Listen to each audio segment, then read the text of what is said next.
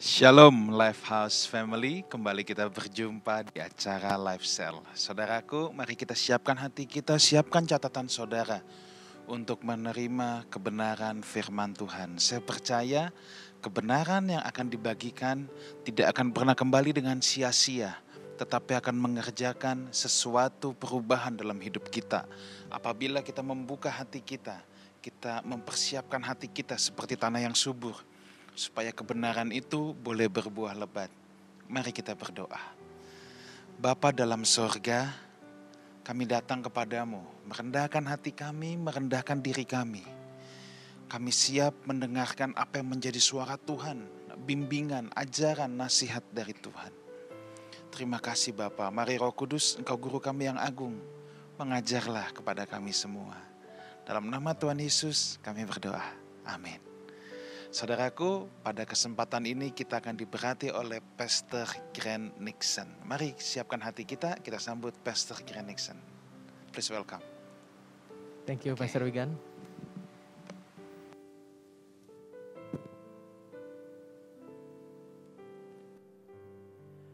Shalom saudara, berjumpa kembali di Lifestyle kali ini.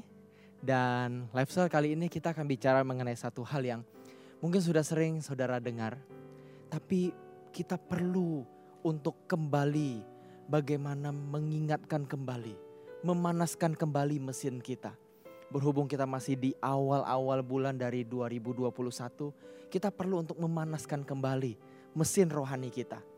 Dan kita akan bicara soal berbuah atau be fruitful, menjadi berbuah.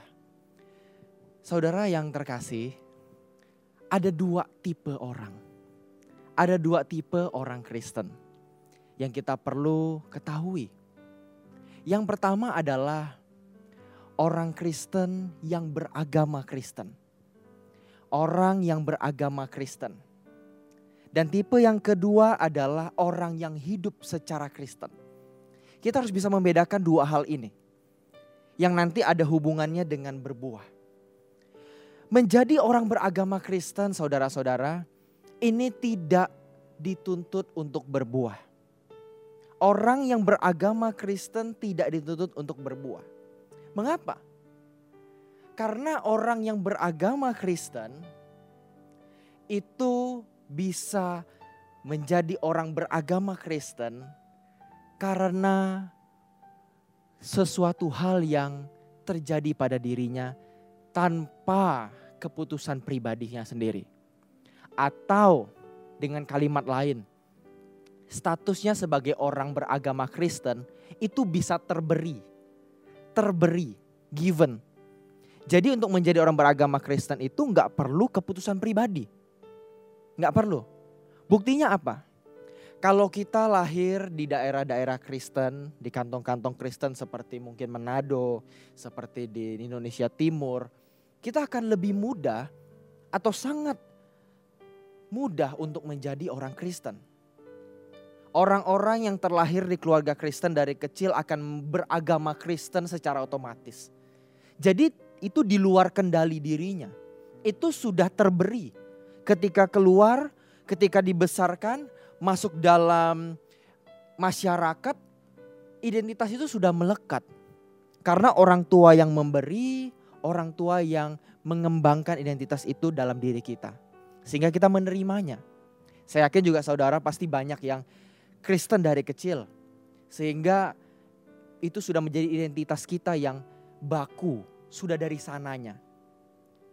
Menjadi orang beragama Kristen itu bisa tanpa keputusan pribadi. Perhatikan kata kuncinya, keputusan pribadi. Yang berbeda dari orang yang hidup secara Kristen, perhatikan ini bentuk orang yang kedua, ini jenis orang yang kedua. Orang yang hidup secara Kristen, ini berbeda dengan orang yang hidup hanya beragama Kristen. Memang kesamaan dari orang yang hidup secara Kristen dan beragama Kristen sama-sama punya status agama Kristen di KTP-nya. Sama. Bisa sama dalam hal itu. Dalam status, dalam identitas sama. Tapi yang membedakan antara mereka yang beragama Kristen saja dan yang hidup secara Kristen adalah orang yang hidup secara Kristen memiliki keputusan pribadi untuk berbuah. Perhatikan baik-baik, saya ulangi. Orang yang hidup secara Kristen adalah orang-orang yang memiliki keputusan pribadi dari dalam dirinya sendiri untuk berbuah bagi sesama dan bagi Tuhan. Keputusan pribadi ini yang membedakan dari orang yang beragama Kristen dan orang yang hidup secara Kristen.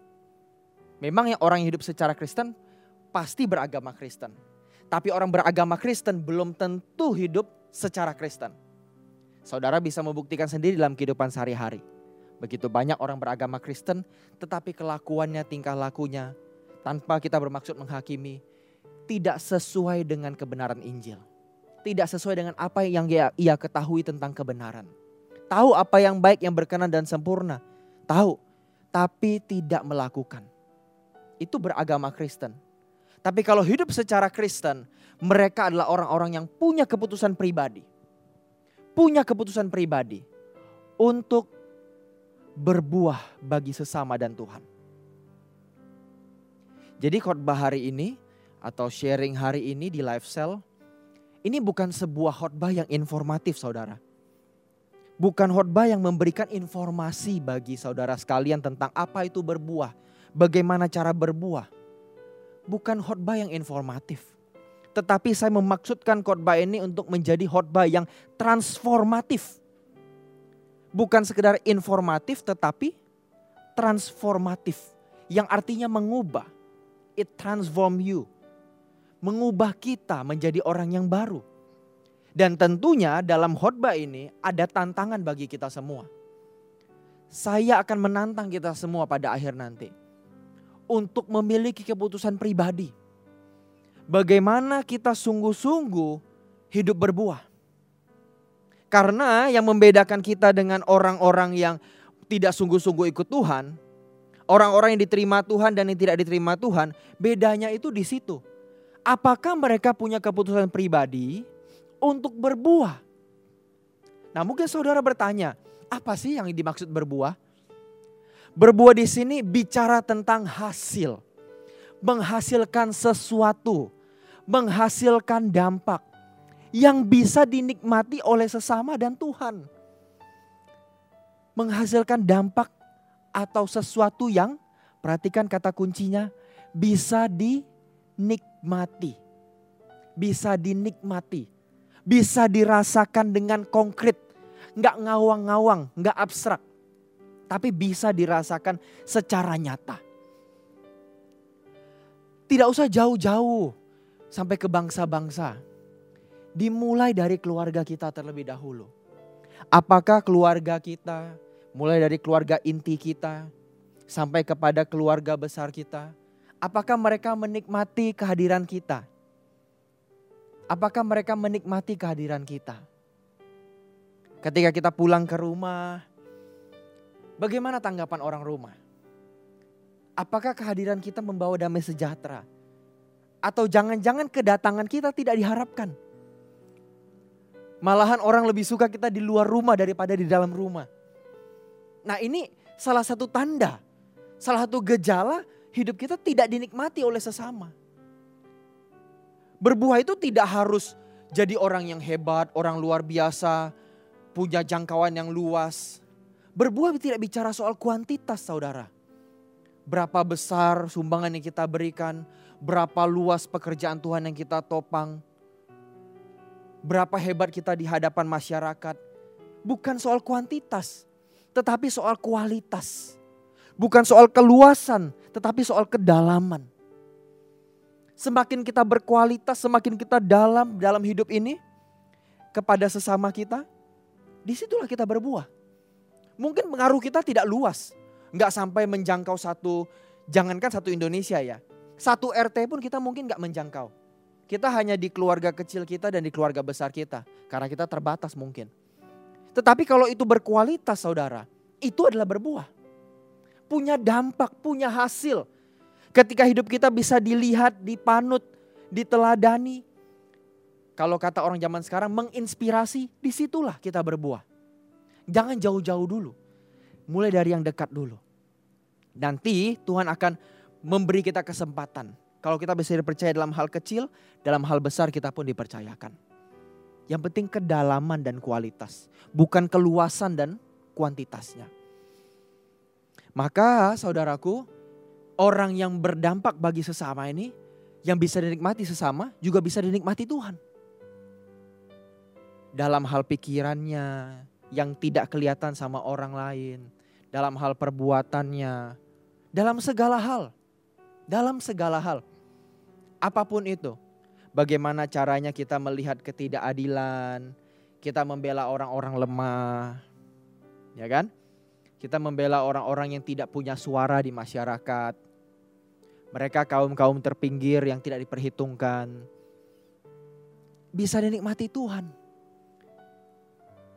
Jangan sampai kita melakukan sesuatu tetapi tidak dinikmati Tuhan. Yang artinya tidak berbuah di hadapan Tuhan. Nah pasti jadi pertanyaan bagi saudara. Lalu bagaimana kita bisa berbuah bagi sesama dan Tuhan? Terutama Tuhan ya karena paling sulit itu Tuhan. Dan tentu tidak terpisahkan dari berbuah bagi sesama. Orang yang berbuah bagi Tuhan pasti berbuah bagi sesama. Dan sebaliknya, orang yang berbuah bagi sesama pasti tidak akan cukup, tidak akan merasa puas kalau dia belum menyenangkan hati Tuhan. Nah, jadi pertanyaan besarnya adalah saudara, bagaimana kita bisa berbuah? Bagaimana kita bisa dinikmati sampai tahap dinikmati? Ingat, orang bisa melakukan segala sesuatu yang baik, tapi tidak semua orang bisa dinikmati oleh Tuhan. Dinikmati itu bicara soal kawasan yang berbeda. Kawasan yang berbeda dari orang yang berbuat baik. Kawasan yang berbeda dari orang yang hidup biasa-biasa saja. Kalau sampai dinikmati Tuhan, berarti ada sesuatu yang luar biasa.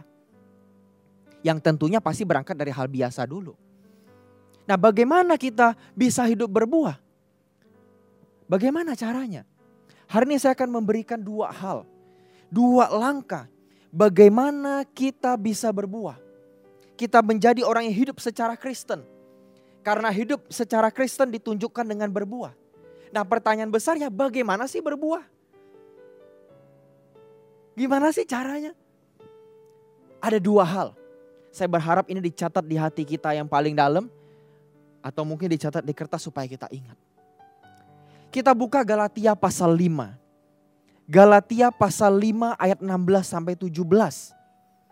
Galatia pasal 5 ayat 16 sampai 17. Maksudku ialah hiduplah oleh roh. Maka kamu tidak akan menuruti keinginan daging. Sebab keinginan daging berlawanan dengan keinginan roh.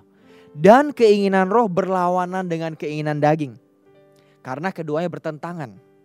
Sehingga kamu setiap kali tidak melakukan apa yang kamu kehendaki. Perhatikan di ayat 16, ini ada kata kuncinya.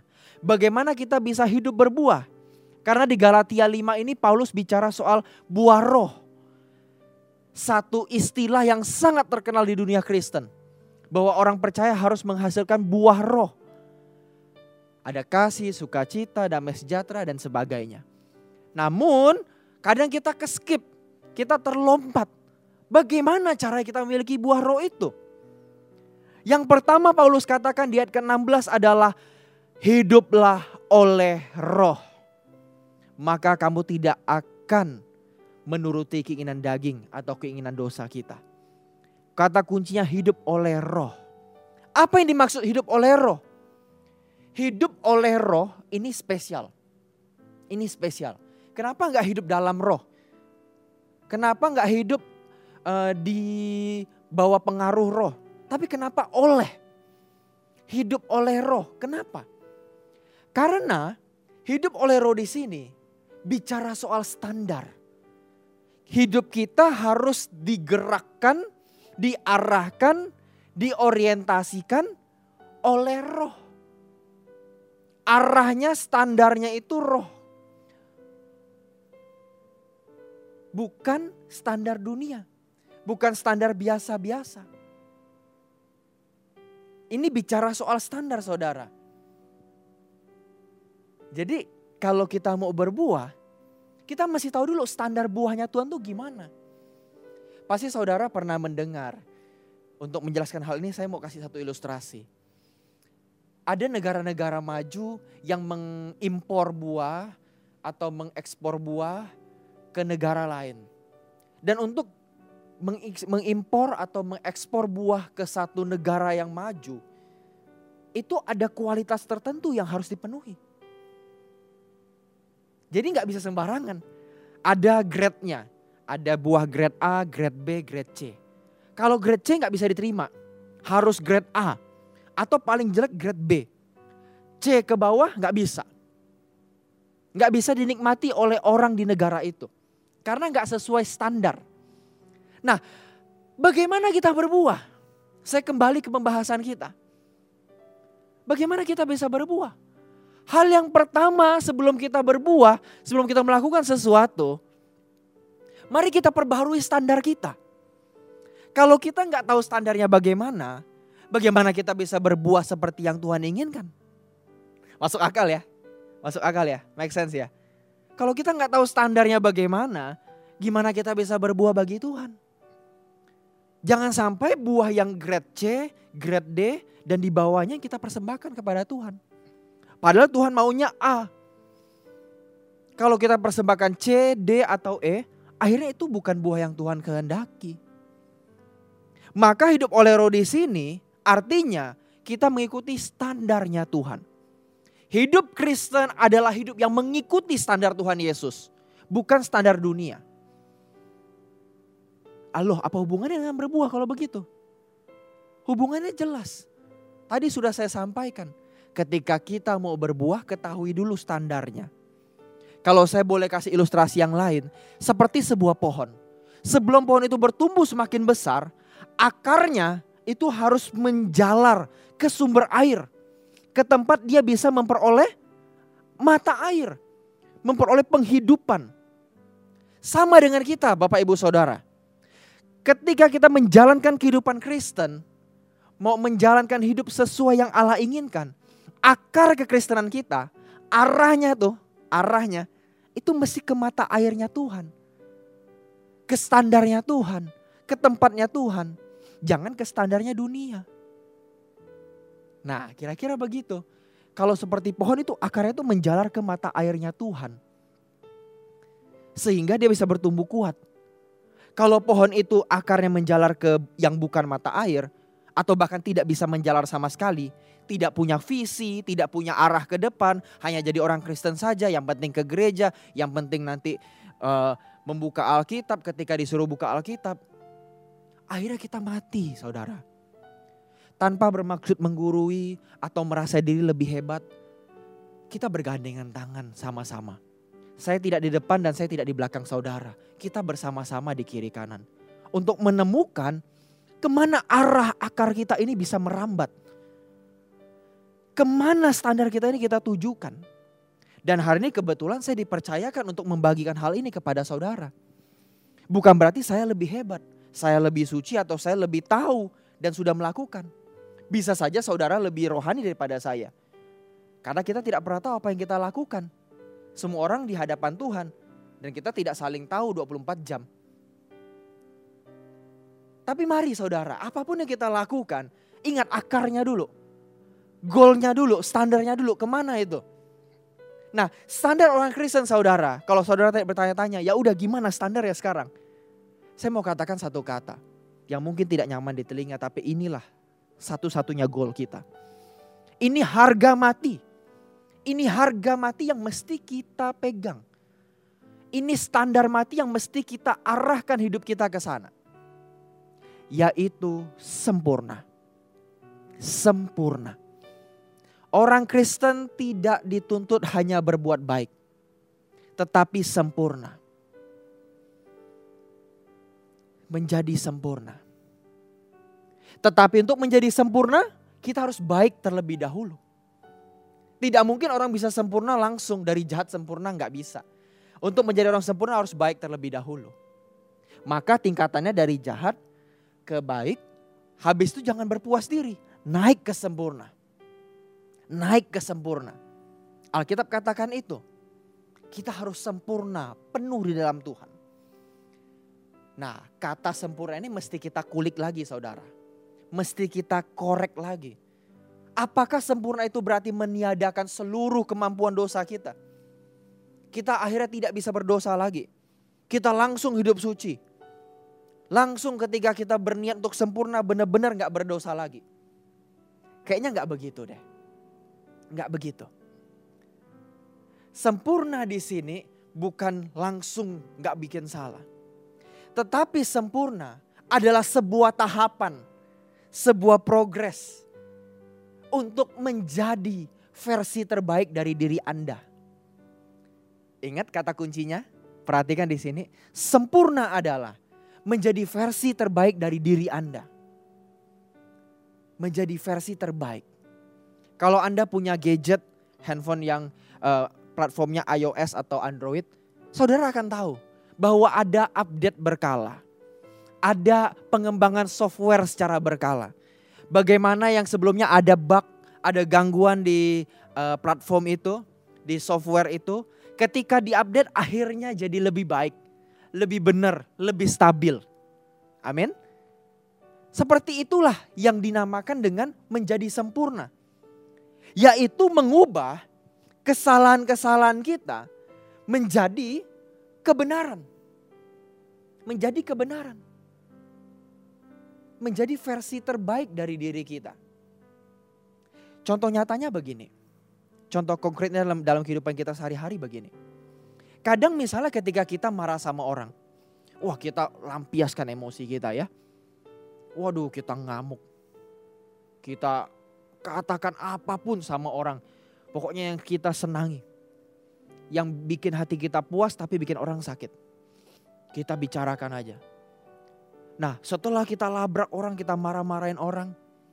Akhirnya ketika kita udah sendiri di kamar atau kita lagi mandi. Kita pikirin apa yang tadi udah kita lakukan. Hati kecil kita mulai bicara. Eh harusnya gak begitu loh. Harusnya gak begitu loh. Kamu tadi bisa lebih sabar.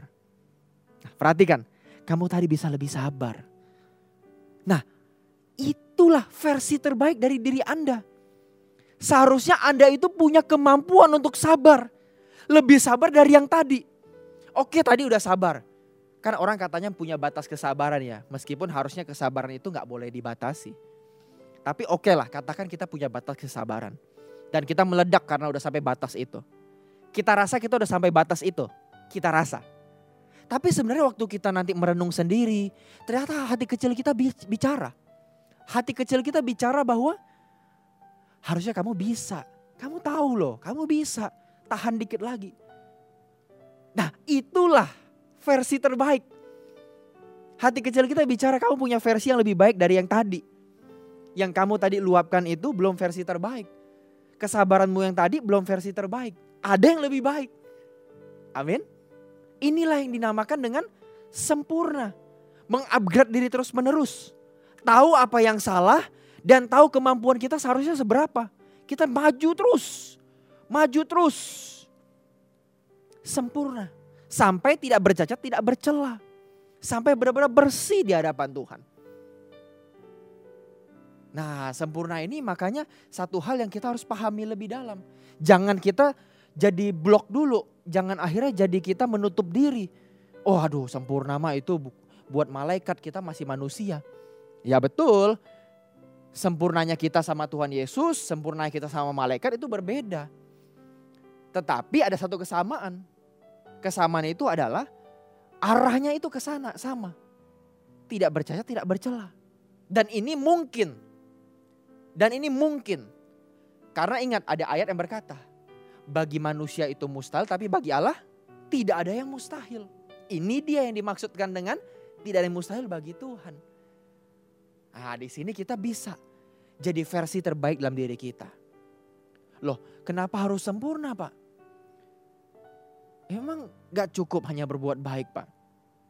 Oh iya memang kita diarahkan ke sana. Alkitab udah berkata seperti itu. Ada arahnya ke situ. Dan ingat saudara, kalau kita dipimpin oleh roh, hidup oleh roh, itu berarti ada satu yang extraordinary. Amin. Ada extraordinary. Kalau misalnya berbuat baik, itu tidak perlu tuntunan roh. tidak perlu tuntunan roh. Karena orang di luar Tuhan, non Kristen bisa berbuat baik dan kita mengakui hal itu. Banyak ya. Nah kalau kita tadi Paulus katakan hiduplah oleh roh, berarti ada satu yang spesial di atas rata-rata. Normal is not enough.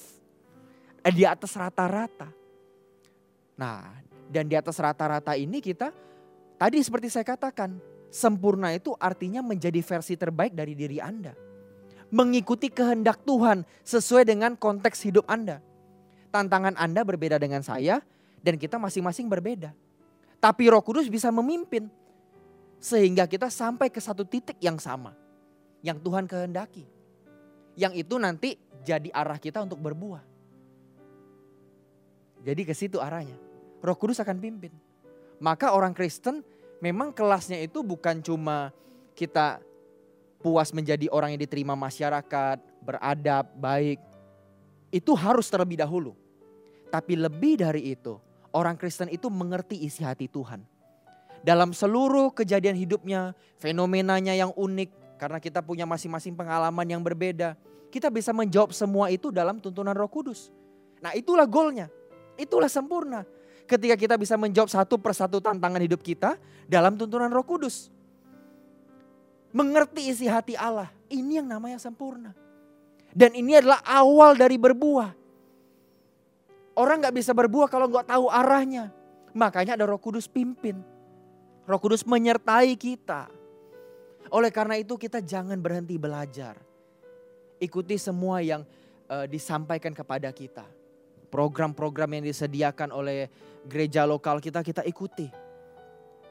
Supaya kita semakin peka. Karena Roh Kudus mengingatkan apa yang sudah kita pelajari. Kalau kita nggak belajar apa yang mau diingatkan? Betul ya? Nah maka saya mengajak kita sama-sama kita belajar. Belajar teorinya, belajar prakteknya. Jangan juga cuma belajar teori habis itu nggak dipraktekin. Salah juga. Harus belajar teori dan praktik. Di sini kita mencari terus kehendak Allah. Cari terus. Jawab terus satu persatu kehidupan kita. Ada persimpangan-persimpangan yang kadang-kadang kita bingung. Di situ Roh Kudus pimpin. Roh Kudus sangat cakap, sangat hebat bikin kurikulum yang pas buat kita masing-masing. Meskipun kita beda-beda tapi Roh Kudus tahu. Sampai kita tuh bisa sampai ke sempurna. Jadi sempurna itu bukan orang yang punya lingkaran kuning di atas kepalanya. Habis itu dia kalau keinjek kakinya atau dipukul orang dia selalu haleluya. Oh enggak. Pasti ada prosesnya. Tapi dalam proses itu kita semakin bertumbuh. Amin. Kita semakin bertumbuh. Karena apa? Karena kita dipimpin roh kudus. Kita menaruh standar kita pada isi hati Tuhan bukan cuma baik, tapi kita taruh pada Tuhan. Kalau boleh contoh konkretnya sedikit sebelum kita masuk ke poin terakhir. Apa sih bedanya baik dan sempurna itu? Kalau baik itu kan tadi saya katakan, kita nggak melawan norma hukum. Kita nggak melawan norma-norma sosial ada di masyarakat. Itu baik. Tapi kalau sempurna kita tahu isi hati Tuhan. Kita tahu sesuatu yang lebih daripada baik dan kita melakukannya. Nah contohnya bagaimana? Di Alkitab dikatakan, orang Kristen bukan hanya tidak boleh membunuh. Kalau tidak membunuh itu baik nggak? Baik, itu baik. Tetapi orang Kristen tidak boleh hanya berhenti di situ. Tapi harus juga sampai tidak membenci. Kan kita sering dengar ya, kalau ada orang bermasalah ya. Orang katakan, wah udah bagus dia nggak kubunuh. Udah bagus dia nggak gue bunuh. Masih suruh nggak boleh dendam. Wah nggak bisa aku, nggak mampu. Nah perhatikan, orang ini baik karena dia tidak membunuh. Masih lumayan, masih oke. Ini orang yang sangat berpotensi untuk menjadi sempurna. Karena apa? Baik. Tetapi kebaikan tidak cukup. Kita harus masuk ke tahap selanjutnya. Naik level. Karena kita manusia pembelajar, amin. Dan manusia pembelajar itu naik level. Naik level ke mana? kesempurna. Bukan hanya tidak membunuh, tetapi juga sampai nggak benci orang. Susah nggak? Waduh, jangan lawan deh. Kita semua punya kebencian masing-masing yang kita kadang-kadang masih bergumul dengannya. Masih. Tapi ya bisa lah. Pasti bisa. Asal kita punya niatan dulu. Amin. Dan roh kudus pasti pimpin. Roh kudus bisa menolong kita. Tidak ada yang mustahil bagi dia. Dan yang terakhir, Bagaimana kita bisa berbuah? Setelah kita tahu standarnya, nah baru kita ngerjain sesuatu nih. Nah apa yang perlu kita kerjakan? Saya tidak akan menyebutkan bagaimana urutan-urutan teknis, apa yang harus saudara lakukan langkah demi langkah. Karena itu tidak bisa mewakili kehidupan kita. Kita masing-masing pengalamannya beda. Amin. Tapi saya bisa kasih satu prinsip umum. Yang Paulus juga katakan di Galatia 5 ayat 25. Bagaimana kita bisa berbuah? Galatia 5 ayat 25 katakan. Jikalau kita hidup oleh roh, perhatikan. Tadi standar kita udah standarnya rohani. Standarnya standar Tuhan. Perhatikan frasa selanjutnya. Baiklah hidup kita juga dipimpin oleh roh. Jadi nggak cukup tahu standar saja. Tapi juga harus bersedia dipimpin oleh roh. Di sini bicara soal kesediaan. Kemauan. Tekad untuk melangkah. Menghidupi apa yang kita ketahui. Karena banyak orang mengetahui kebenaran, belajar kebenaran, tetapi tidak melakukan kebenaran. Banyak orang menjadi pemberita kebenaran, tapi sedikit orang menjadi pelaku kebenaran. Mudah bagi orang untuk bicara soal kebenaran, termasuk seperti yang saya lakukan, sangat mudah. Persiapannya paling 2-3 jam. Tapi untuk melakukan kebenaran, sampai tahap melakukan, ada buahnya, ada sesuatu yang kita lakukan, berdasarkan tuntunan Tuhan di hati kita masing-masing, itu butuh waktu lebih lama. Dan saudara harus invest waktu di sini. Kita mesti invest waktu. Invest waktu untuk belajar bagaimana sih Tuhan mau arahin kita. Apa sih arah yang Tuhan mau tujukan kepada kita? Yang mesti kita kerjain hari ini? Ke mana arahnya? Apa yang harus kita lakukan? Ketika kita sudah tahu, sudah belajar, sudah punya bekal, yuk sama-sama sekarang maju. Do something Pertama mulai dengan tanggalkan beban dan dosa yang saudara ketahui itu menghalangi saudara. Kita pasti tahulah apa dosa dan beban yang di hati kita. Apalagi kalau kita Kristen dari kecil, kita tahu di hati kita ada apa aja. Tahu kan? Tapi kita kadang-kadang cuma kurang berani untuk melangkah. Hari ini saya tantang kita. Mari melangkah. Mari melangkah bersama. Saya bukan di depan dan bukan di belakang saudara. Saya di samping saudara kita sama di satu level yang sama. Saya nggak lebih hebat, tapi saya ada di samping saudara bersama-sama. Kita sama-sama. Untuk melangkah, menghidupi apa yang kita ketahui. Yuk, belajar itu penting. Tapi jangan lupa untuk praktek. Kita sambil belajar sambil praktek. Terus sampai kita benar. Tanggalkan beban dan dosa, saya challenge saudara hari ini. Saya challenge saudara untuk menghidupi apa yang kita ketahui. Ini prinsip umumnya. Saya nggak bisa sebutin satu persatu apa yang mesti saudara lakukan. Karena ingat tadi kita punya pengalaman yang beda dan roh kudus akan pimpin kita secara unik. Tapi yang penting miliki tekad, miliki kesediaan. Lepaskan beban dan dosa. Yang kedua, jangan cuma melepaskan beban dan dosa terus akhirnya berhenti di diri sendiri. Orang yang hidup dipimpin oleh roh, bersedia mengikuti kehendak Tuhan, itu orang yang bersedia melayani sesama. Melayani sesama. Bukan melayani dirinya sendiri tetapi sesama. Atau kelihatannya melayani sesama tapi sebenarnya di hati untuk diri sendiri. Ini juga masih sama. Ini masih sama dengan melayani diri sendiri. Mari kita belajar bagaimana kita melakukan sesuatu untuk orang lain, tulus untuk orang lain apa yang kita lakukan sama ada di hati kita benar-benar untuk orang lain. Karena banyak orang melakukan sesuatu untuk orang lain, tetapi dampaknya dia mau ambil buat diri sendiri. Kreditnya mau diambil buat diri sendiri. Membangun citra dia, membangun image dia. Baik sih kelihatannya, tapi akhirnya juga meleset. Nah kalau kita mau sempurna dalam kehendak Tuhan, yuk baik tingkah laku kita, baik perbuatan kita, bantuan kita dan segala hal yang kita berikan kepada orang lain, kita landasi dengan sikap hati yang tulus buat orang lain. Dan tulus ini memang perlu dijabarin lebih lanjut lagi. Tetapi saya percaya roh kudus bisa menerjemahkan dalam hati saudara masing-masing. Bagaimana tulus di konteks saudara. Bagaimana tulus dalam kehidupan saudara masing-masing. Hari ini saya tantang kita. Mari kita berani untuk hidup oleh roh. Dan hidup dipimpin oleh roh. Standar kita adalah Tuhan Yesus hidup sempurna, hidup berkenan di hadapan Tuhan. Dan kedua, jangan lupa arahkan kaki kita, langkahkan kaki kita untuk menuju pada standar itu. Maka kita akan berbuah lebat di dalam Tuhan Yesus. Berbuah itu bukan jadi beban akhirnya, tetapi jadi naluri, jadi insting otomatis yang keluar dari diri kita. Kita akan lakukan semuanya buat Tuhan dan sesama kita. Mari kita berdoa. Bapak di dalam surga, kami bersyukur untuk live cell malam hari ini. Biar firman yang ditanamkan pada hati kami memberi kami semangat, memberi kami gairah untuk berbuah. Beri kami kesempatan Tuhan untuk kami menunjukkan buah kami di hadapan-Mu. Biar kami bisa dinikmati oleh Engkau Tuhan. Terima kasih buat kesempatan hari ini. Dan kami minta beri kami matamu. Agar kami bisa melihat orang yang berkesusahan yang perlu kami tolong. Dan kami bisa melihat kehendak-Mu.